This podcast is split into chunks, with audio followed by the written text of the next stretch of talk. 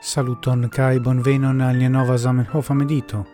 Podia mi volas legi kai mediti kun vi sur uh, la enconduco alla antaŭparola la proverbaro Esperanta kiu publikigis en jaro 1900 kvin, kiu estas unu el la play grava jaroj de la historio de la lingvo Esperanto.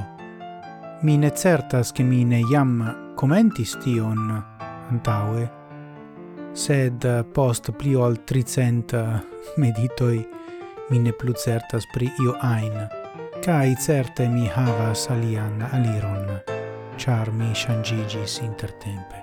Do iru al pagio quardec sep se vi volas, cae secfu cun mi la legadon de la el tiro. Ciu comprenas la gravezon kiun havas la proverboi en ciu lingvo. En formo de mallonga e facile memorebla i frasoi, la proverboi en havas grandan tresoron da popola sagezzo. Cai per mallonga proverbo, oni ofte pli bone cae pli convince esprimas ian ideon ol per multe vorta parolare conado de proverboi estas necessa por perfecta conado de la lingvo. Care ciui, shainas al mi che la situazio multe changigis ecte la tempoi de Zamenhof, nome che la proverboi ne plu tiel gravas. Almeno en mia esperto, sen depende de la lingvo, mi malofte usas proverboin, dum mia ciu taga parolado, cae shainas al mi che tio validas por multai aliai samagianoi cae ec pli iunai homoi. Tio ne signifas che la strebo de Zamenhof sia tempe ne estis grava, tutte male.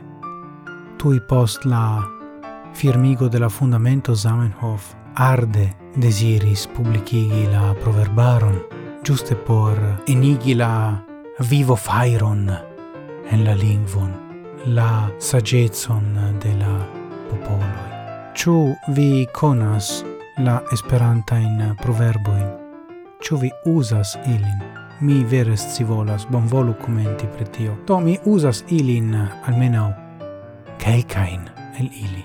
Sed uh, mi ne scias ciu tio estas parto de la cotima lernado cae usado de la lingvo do diru ion al mi pri tio. Partigu via inspertoi.